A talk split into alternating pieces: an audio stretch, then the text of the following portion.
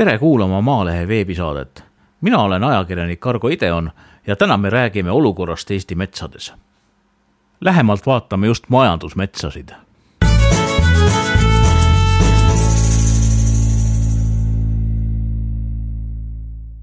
mul on täna külas äh, metsatervenduse osaühingu metsaülem Anti Rallmann, tere!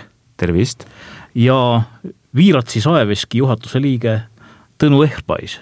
Tere, tere! metsandus on meil selline väga aktuaalne, väga tuline teema hetkel, metsa raiutakse, sellest äh, teenitakse tulu, majandusmetsa on äh, Eestis umbes äh, kolm neljandikku kõigist metsadest, ülejäänud on kaitse all. kas Eesti majandusmets on hea kvaliteediga? kas me saame kõik vajalikku sealt kätte? Anti? meie metsade kvaliteet on nüüd natuke selline küsimus, et mida me eelkõige selle kvaliteedi all seal silmas peame. majandusmetsades ikkagi see põhiline tulupool tuleb ikkagi puidu kasvatamisest ja puidukasvatuse seisukoha pealt me peame vaatama nagu vähe pikemat aega, et kust meie metsad on pärit, kellele nad näiteks praegusel hetkel kuuluvad ja kuidas see kuulumine on aja jooksul nagu muutunud. selge on see, et meie riigimetsad olid ennem seda, kui neist said äh, riigimetsad, olid nad mõisametsad ja seal majandati neid juba saksa tarkuse järgi sada, sada viiskümmend aastat tagasi. ja nende metsade areng on kulgenud suhteliselt stabiilselt, ühtlaselt ja seal on ka vaieldamatult Eesti kõige kvaliteetsemad metsad. erametsade ajalugu on nüüd natuke teistsugune, et noh, hinnanguliselt kakskümmend viis, kolmkümmend protsenti äh, neljakümnendatel aastal oli Eestis äh, ainult metsasus. Ja, ja praeguseks on ta kasvanud poole peale ja nüüd see kasvamine ongi suuresti toimunud äh, erametsades endiste põllumajanduslike maade metsastumise läbi. ja see väga suures osas toimus tegelikult nagu loodus oma rada mööda, see metsastumine toimus sedasi ebaühtlaselt, äh, puistud kujunesid suhteliselt erivanuseliseks sinna peale ja seetõttu osad puud on kasvanud siis natuke hõredamalt, oksad on jämedamad, nad on kõveramad, neil polnud vajadust niimoodi taeva poole kiiresti sirguda. ja nendes metsades on nüüd äh, meie metsade puidu kvaliteet nüüd kindlasti natukene madalam. ehk meil on äh, väga erineva kvaliteediga metsa tegelikult kasvamas Eestis? jaa, just nii. Tõnu, sama küsimus, mis seisus on Eesti majandusmets? Noh, tegelikult kui mina natuke vaatan siis töötleja poole pealt just nimelt ja mis siis metsas tehakse, anti rohkem see, kuidas see kasvatatakse ja äh, põhimõtteliselt siis äh, majandusmetsasi, meil on kolm kasutust, kui me räägime äh, puidukasutusest, meil on tegelikult siis mehaaniline, keemiline töötlemine ja siis on viimasena kõik, mis läheb siis kütteks oma, oma, oma praktiliselt otsekohe, ilma, ilma eelneva töötlemiseta ja kui me vaatame, mis seisus need metsad on, siis just nimelt äh, kui meil riigimetsas on täna äh, metsa olem selline, metsa kvaliteet selline, et sellest äh, viiskümmend protsenti praktiliselt on võimalik mehaanilisse töötlemisse viia. ja mehaaniline töötlemine on tänapäeval, kui me vaatame üldse kogu metsa kõige rohkem süsiniku vaates, siis sellest mehaanilise poole töötlusest tulevad need pikaajalised tooted, kus me suudame nelikümmend, viiskümmend aastat keskmisena puitu, süsinikku talletada toodetesse. et, et, et riigimets on selles suhtes väga heas olemis, erametsas on väga paljud uuendusraied õigeaegselt tegemata, metsa kvaliteet tihti, mets ei ole kasvatatud, selliseks ta on olnud väga suurelt osalt isekasvamisel ja sealne puidu kvaliteet on tihti tihti suhteliselt madal ja uuendusraied on õigeaegselt tegemata. kas te tahate öelda, et teile tuuakse liiga vana puud? põhimõtteliselt see on ka väga suur probleem tegelikult, et puistul on küpsusvanus, see tähendab, millest alates tema väärtus hakkab langema ja ka selles mõttes väärtus, et et, et, et ei ole nagu vein, nagu hea vein ei ole mets et järjest paremaks läheb, et tegelikult hakkab äh, peale küpsusvanuse saabumist hakkab metsa kvaliteet uuesti halvenema ja me ei suuda enam teha sellest äh, neid samu kestvustooteid. kütte osakaal tõuseb märgatavalt ja, ja erametsas meil täna see probleem on. erinevates puuliikides, erinevalt männist see praktiliselt ei ole probleem, aga haava- ja kuusepuistutes on see päris suur probleem Anti, kas see on siis nii, et tõesti ei võetagi metsa õigel ajal maha, vaid jäetakse ta seisma, kasvama, mis looduskaitsjatele kindlasti väga meeldib, aga samas majanduslikult tegelikult ei ole kasulik. No nii ta natukene ju on, et noh, siin kindlasti me peame siia juurde vaatama jällegi seda ajaloolist konteksti, et, et need metsad olid, erametsad olid kolhoosimetsad ja kolhoosimetsades kolhooside keskendusid põllumajandusele, metsandus ei olnud nende rida ja seetõttu metsa vaadati seal hoopis teistmoodi kui näiteks ka nõukogudeaegses riigimetsas. ja ja kõigele lisaks on meil siis näiteks ka üheksakümnendad, kus terve pikk periood, väga suur osa talumaasid ei olnud veel tagastatud.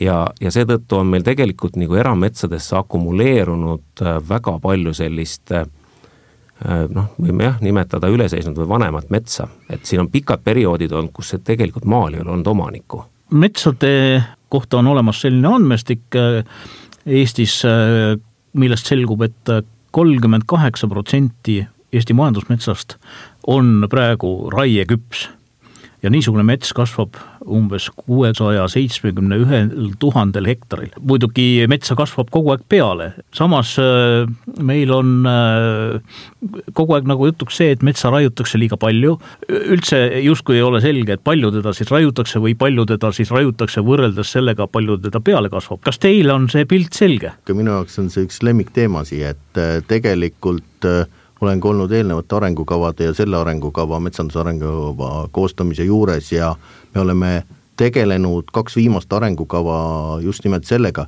kuidas saada omanikud oma metsa majandama. see majandamine tähendab ka uuendusraiet ja, ja see tähendab ka raiumist. metsa majandamine suurelt osalt käib äh, ka raiumise kaudu, hooldusraied, lõppkasutusraied. ja, ja, ja tegelik seis on selline ka viimase arengukavaga kui me võtsime eesmärgiks, et me suudaksime saada keskmiseks raiemahuks kaksteist kuni viisteist miljonit, et siis me saaksime metsa sellise valmivate ja küpsete puistute suhte natukenegi rohkem tasakaalu, siis tegelikult seda ei ole saavutatud, me oleme seal jämedalt üheteist miljoni juures, keskmisena ka viimasel perioodil me ei ole eh, suutnud raiuda, kedagi ei saa vägisi panna raiuma, ei saa omanikku panna raiuma, kui ei ole tal õiget turgu, eh, kui ei ole head kliimat me oleme ainuke asi, mis me viimasel arengukava jooksul oleme suutnud, et me oleme suutnud võrreldes miinimumeesmärgiga võtta nelikümmend protsenti rohkem metsa kaitse alla. aga raiuda me oleme suutnud nagu eesmärgist äh, jämedalt nelikümmend protsenti vähem. ja selles tagajärjel on meil tohutu poleemika, et kõik on valesti mina küsin, mis on valesti? no võib-olla Anti ütleb meile, mis on valesti eks selles mõttes see ongi niisugune keeruline küsimus ja, ja tegelikult see, nagu Tõnu ütles ka, hakkab ikkagi pihta sellest metsaomaniku otsustest et metsaomanik äh, peab otsustama seda hetke, millal ta seda raiesse selle metsa nagu paneb. et noh, riigimetsas on asi nagu lihtne, seal on meil äh, aastalank on neil ees ja nad üritavad sellest kinni pidada nii ühte kui teistpidi. erametsaomaniku otsus sõltub väga paljudest muudest asjadest, sõltub äh, millal parasjagu perel on tarvis mingit täiendavat raha millal on äh, lapsed kooli kuhugi minemas, millal on vaja korterit, maja remontida, seal on palju niisuguseid pisikeseid otsuseid. kõigele lisaks, meie ilmastik äh, on ka selline, et igal aastal ei saa raiuda. lisaks veel tulevad siin igasugu muud piirangud veel juurde, nagu noh, kui hea on ligipääs sellele kinnistule, millised on metsad, kui on märjad metsad, siis saab ainult külmade talvedega raiuda viimasel ajal me oleme tähele pannud, et meil külmasid talvesid on nagu järjest vähemaks jäänud või peaaegu et ei ole üldse, kõik need nagu seavad nagu terve hulga niisuguseid täiendavaid piiranguid ka nagu metsaomanikule, et, et eks sealt need asjad hakkavad pihta. pluss siis veel viimasel ajal ikkagi natuke ka see, et ühiskonnas on tekitatud selline natuke niisugune negatiivne maine ka raietele juurde, et inimesed nagu pigem nagu ei julgegi enam raiuda, kuigi metsa poolest oleks nagu vaja ja perel oleks ka vaja.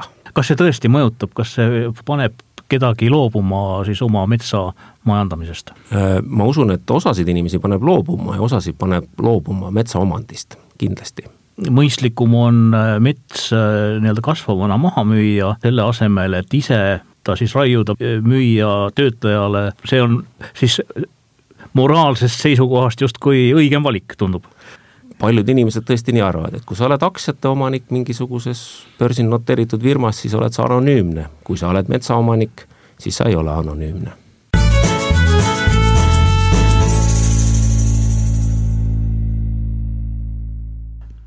Te kuulate Maalehe veebisaadet me räägime metsamajandamisest ja stuudios on Anti Rallmann, metsatervenduse osaühingu metsaülem sellele ettevõttele kuulub valdavalt Lõuna-Eestis mitu tuhat hektarit metsamaad. teine külaline on meil Viiratsi saeveski juhatuse liige Tõnu Ehpais me jõudsime oma jutuga sinna kohta, et kuna ühiskondlik foon Eestis on häälestatud metsa raiumise vastu, siis selle tõttu osa erametsaomanikke kas on loobunud raietest oma metsas või müüb metsa lihtsalt maha, et ise sellega mitte tegeleda. Tõnu, kuidas teile tundub? Äh, mulle tundub niimoodi, et äh, tegelikult äh, ütleme ausalt, et see, mm, kuidas nüüd öelda, see roheline mentaliteet tegelikult on niisugune tõsine karuteene metsanduslikus mõistes, seal on mitu asja, esiteks just nimelt loobutakse omandist ja see on reaalsus, sellepärast et ei, ei, ei taheta nagu selle klassiviha alla sattuda, ma nimetan seda klassivihaks omanike suhtes, et ei taheta klassiviha alla sattuda ja siis on palju parem on sellest äh, nagu ka maksunduslikult oli meil see väga suur probleem, oli maksunduslikult oli soodsam oma mets maha müüa. ja, ja, ja seda rohkem tekib suuri vermametsasi, fondide metsasi, selliseid teemasid ja, ja kindlasti see, kui vaadata maaelu peale laiemalt, siis see kindlasti ei ole see, kuhu me tahame jõuda. aga, aga täna metsaomanik kardab, kardab nii looduskaitset kui, kui, kui kardab ka, kardab ka juba ütleme, ülejäänud ühiskonda. et ta on põlu alla sattumas. mulle tundub siiski natuke liiga hirmus üldistus, et looduskaitse on paha looduskaitse üldiselt ju äh, on selline inimene, kes tahaks näha oma ümber puhast loodust. vabandust, ma nimetan ikkagi neid mm, punarohelist kontingenti selles, kes on kõige aktiivsem ja, ja, ja kes nagu ütleme, sellist äh, meie praegust nagu eraomanduslikku korda ei tunnista, ma pean just seda äh, ekstreemsemat pool seal, kes kõige rohkem silma paistab, kes on kõige väiksem osa nendest? Äh, no see on muidugi tõsi, et äh, kui näiteks kammida sotsiaalmeediat, leiab sealt äh, väga erinevaid üleskutseid, leiab sealhulgas ka üleskutseid no kasutada siis kineetilisi vahendeid näiteks metsa töötlemise vastu. jaa, selles suhtes Prantsuse revolutsiooni lugeda ja, ja üldse vaadata, kuidas, kuidas ikkagi tuleb, tuleb ära ära mõjutada noored rumalad inimesed, asi on selles, et nad ise ei lähe seda tegema, kes seda üles kutsuvad. aga, aga paha lugu juhtub siis, kui eh, no noh, ütleme mõningad suhteliselt noored inimesed, kes vaatavad idealistlikult ja kaasa lähevad ja, ja lõpuks mingi niisuguse rumaluse ära teevad ja oma, oma elu nagu ära rikuvad, et et ma arvan, et siin on nagu õiguskaitseorganitel nagu tööd täitsa piisavalt. kas see on ka tõesti probleemiks, et Eesti mets läheb selliste suuromanike kätte, fondid, võib-olla mingisugused teistsugused struktuurid, kus äh, kusagil kaugel kontoris äh, istub äh, keegi härra arvuti taga, tal on see mets kusagil Excelis või no mingisuguses ägedamas programmis kirjas, ise ta seal metsas kunagi käinud ei ole, talle on see lihtsalt mingisugune ühik, mille pealt raha teenida. siis võrreldes sellega, kui metsal on selline omanik, kes teab iga Äh, nurgakest tegelikult selles metsas ja ta äh, mõtleb äh, mitte ainult selle raha peale, vaid mõtleb ka selle peale, kuidas see mets siis näiteks pärast raiumist välja näeb, kuidas sellega edasi tegutseda? jah, kui ta on, läheb äärmuslikuks, siis see võib ka nii olla. et seda muidugi noh, ma arvan, et me oleme seda Excelit natukene noh, üle dramatiseerinud teda sellisel kujul, nagu teda kasutatakse. metsas on üldiselt suhteliselt raske ainult Excelist lähtuda. ja, ja mina nagu ei näe seda, et, et see ainult oleks halb, et teatud lõikudes äh, näiteks suuremad metsaomanikud, äh, neil on rohkem ressursse, nad saavad ka näiteks metsa rohkem investeerida. kuni sinnamaani välja, et näiteks äh, võtame Eesti kõige suurema metsaomaniku RMK, kes on tegelikult väga palju investeerinud meie teedesse et, et inimesed ka lisaks metsakasutusele pääseks näiteks marjule, seenele ja nii edasi puhkama. et, et seal on ka tegelikult need teised asjad küljes. et ja, ja muidugi veel lisaks see, et ega meil ei toimu ainult äh, metsaomandi suurenemine, meil toimub ka tegelikult see, et meil järjest rohkem on ka pisikesi metsaomandeid. ka nagu killunemine toimub. et ka see on tegelikult omaette nagu nähtus, loomulikult kui kõik asjad hakkavad ainult ühes suunas minema, siis meil on probleemid majas. et, et sellist puhast mõisamajandust noh, ei taha meist ka keegi. ka need, ka need suured metsaomanikud. et, et see peab ikkagi toimuma kuidagi niimoodi tasakaalustatult ja tegelikult mida rohkem on metsaomanikke, seda parem on ta nii ühiskonna seisukohast vaadatuna kui ka siis ka tegelikult looduskaitse seisukoha pealt. Eestis on üle saja kolmeteistkümne tuhande metsaomaniku, et see on ikkagi päris suur arv. Sinna alla mahuvad siis tõesti erinevad omandid nii RMK-st kui vanaprouani, kellele see metsatukk on jõudnud kusagil pärandusest. Ma korra siia just täiendan, et ma alati, kui neid metsandusteemasid lahatakse, see sada, sama sada kolmteist tuhat tuleks korrutada, keskmine pere on meil kuskil kaks pool inimest, on ju, sealt me saame jämedalt kakssada viiskümmend tuhat, kakssada nelikümmend tuhat inimest kokku, siis paneme metsamajandusega, metsatööstusega seotud äh, töösaajad, need on otseselt on siis jämedalt kolmkümmend neli tuhat inimest ja kaudsed ja kaasnevad töökohad kokku, nii et kuuskümmend tuhat inimest, sealt ka võtame leibkonnad. et tegelikult see number, kui me kõik need asjad läbi korrutame, siis ma arvan, et kõik need mm, üleskutsed mitte majandada, mitte toimetada, mitte kasutada seda, seda, seda tegelikult tuleviku loodusvara, et, et poliitikutele kirge rehkendus, ma alati ütlen, et tehke kerge rehkendus läbi, et mida võita on, mida kaotada on. et kõik lähevad kaasa, mõtlevad, et see on, see on väga populistlik nagu kaasa minna sellega, et mitte midagi teha, aga tehke rehkendus läbi. no jämedalt äh, kusagil pool Eesti inimestest või no ütleme, pool miljonit äh, siis. Äh, just, just, jah et tõepoolest no valijate hulk selles äh, oleks kindlasti arvestatav iga erakonna seisukohalt. ja ühiskonnana veel riigimets juurde, mis on siis tegelikult oma hüvedega pakub tegelikult kogu elanikkonnale, et, et seal ikkagi niisugune, ma tean, et poliitikud kalkuleerivad väga külmalt, et mul kogu aeg natuke niisugune tunne, et seal kalkulatsioonis nad pole kõike arvestanud, et, et kui nad oma neid populistlikke üleskutseid teevad ja ütlevad, et et selline võib olla sotsiaalne tellimus, et, et metsas mitte midagi teha, et et väga, väga täpselt, et vaadake üle oma numbrid ja arvutused. Äh, aga siiski äh, noh, vähemalt minule, ütleme kõrvalseisjana, kes äh, metsateemaga igapäevaselt ei tegele, näib, et Eestis kuigi metsast räägitakse väga palju, aga siiski meil ei ole metsatööstusel ja metsa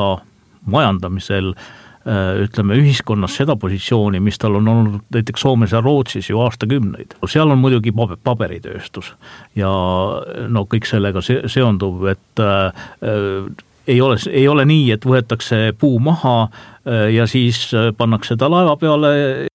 et äh, me peame arvestama, need ühiskonnad on natuke teistmoodi kujunenud.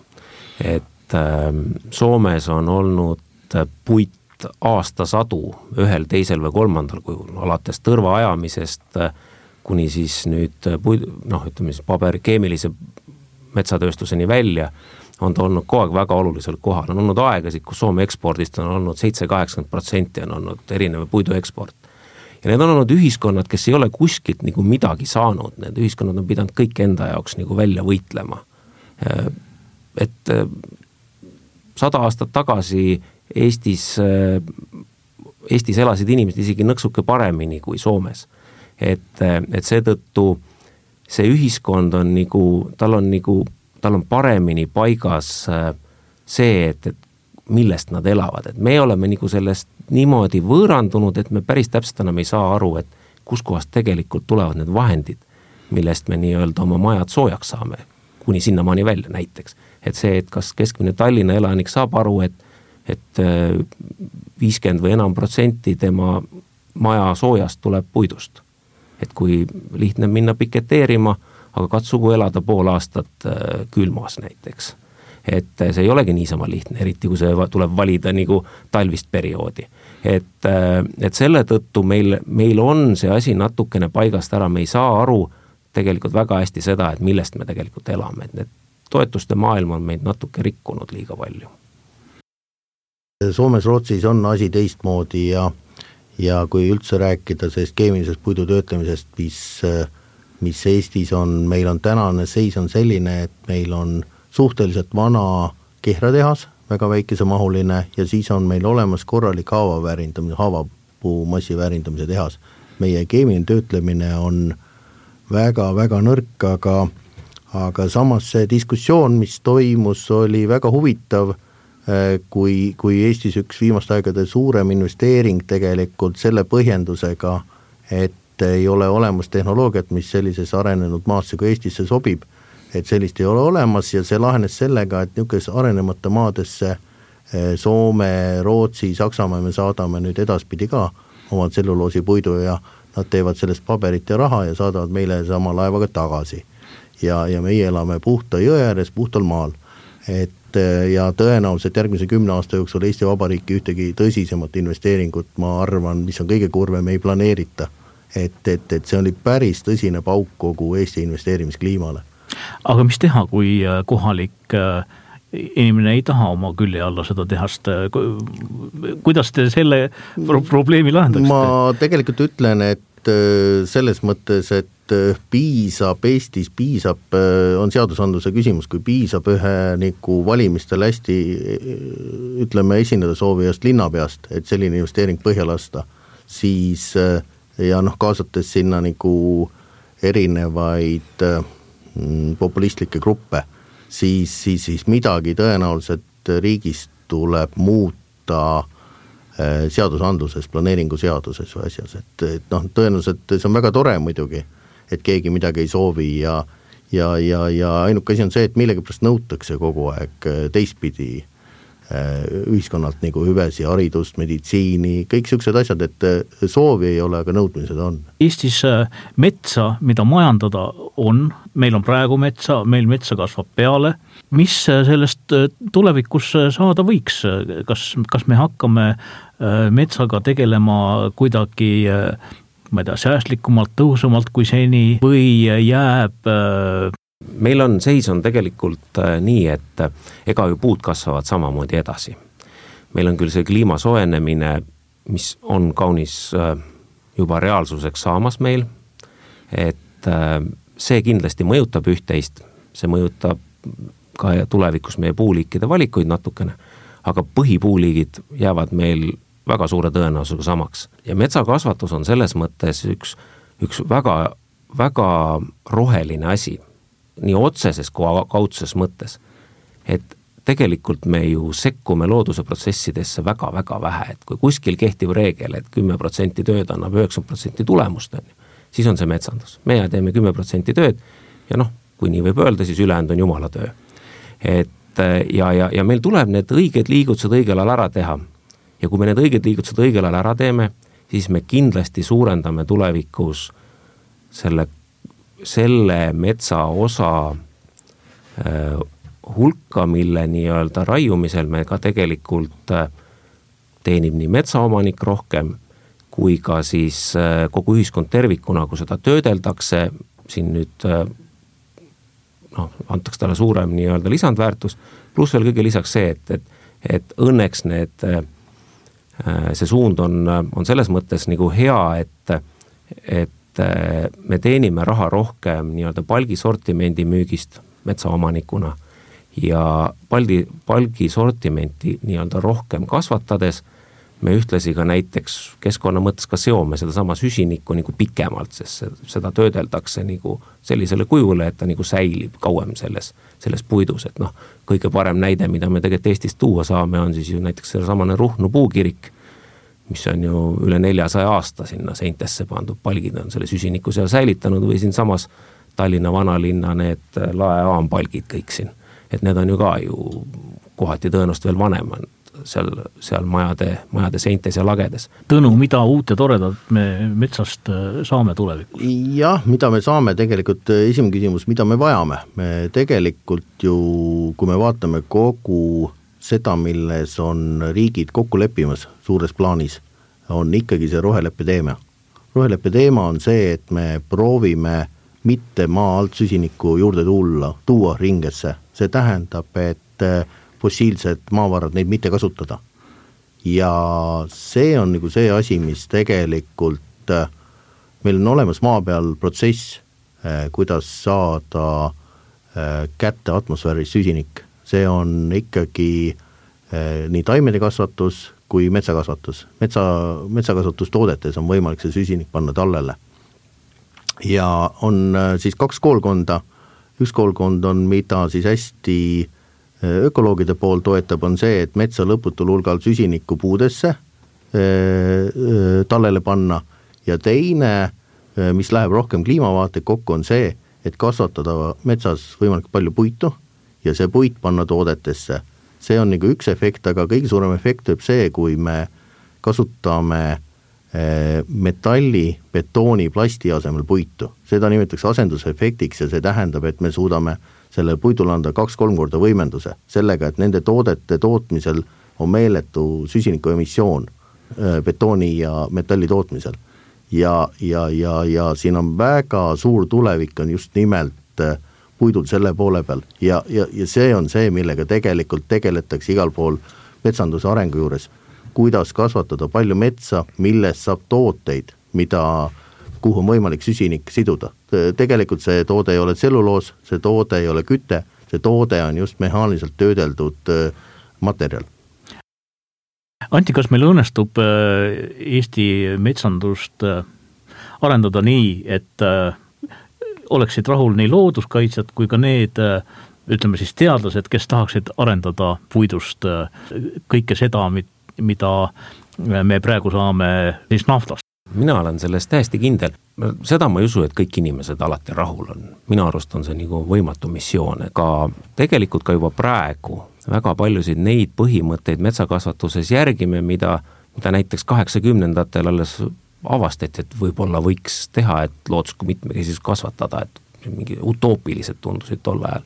tänapäeval see meil täiesti toimib, näiteks kas või seegi, et ega ju meie metsades ju ka ju ka majandusmetsades ju kasvab ju järjepidevalt näiteks surnud ja lagunenud puidu osakaal, see on täiesti teadlik, me jätame säilikpuid, mis jäävadki sinna sinna metsa ja mis peakski nagu tagama nagu nendele liikidele tulevikuks võimalus ellu jääda, kes siis elavad, elavadki selles vanas ja lagunenud puidus, et et me tegelikult äh, oleme kogu aeg äh, metsakasvatuses võtnud arvesse neid protsesse, mida rohkem me teada saame, seda rohkem me neid äh, kasutusele võtame ja ja, ja, ja seda kõike on võimalik teha nüüd nii, et äh, hundid on äh, söönud ja lambad äh, terved või noh, võiks siis öelda niimoodi, et hundid ei ole nälgas ja lambad ei ole ka nagu päris purud, ütleme siis niimoodi. see, selles teemas jällegi on see küsimus mulle, et kes siis seda looduskaitset teevad, kust looduskaitse on tulnud?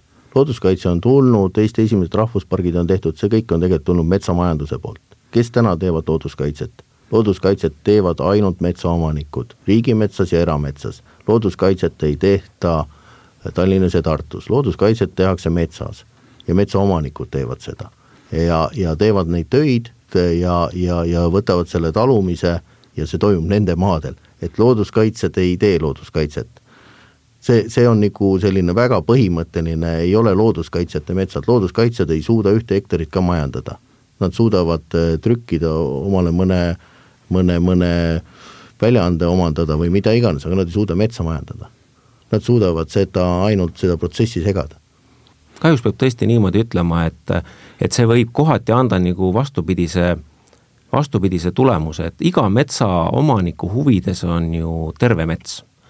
ja ülivaldav enamik metsaomanikke, kes metsast midagi üldse teavad, nad saavad aru, et see mets on tegelikult üks väga keeruline äh, kooslus erinevatest äh, elukatest, kui nii võib öelda, kes seal elavad ja kelle koostoimena tegelikult see mets, mets kasvab nii, nagu ta on. et ega me ju, kui me metsa, metsakasvatusega tegeleme, ega me ei tegele mingisuguse protsessiga, mida me oleme ise välja mõelnud. Et see on pikkade aegade jooksul on metsanduses järgi katsetatud ja proovitud ja jõutud järeldusele, et see, kuidas me praegu metsa kasvatame, see on kõige sarnasem sellele, kuidas need looduslikud need protsessid meil toimuksid. no lihtne näide, et meil on see lageraielank on nagu ära demoniseeritud tegelikult kui me hakkame vaatama, et kuidas meil siis nagu metsad uuenevad, siis valdavas enamikus kasvukohatüüpides mingisuguse perioodi tagant käib kas siis mingi torm üle või siis on mingi metsatulekahju ja tulemus on sisuliselt sama, on ju.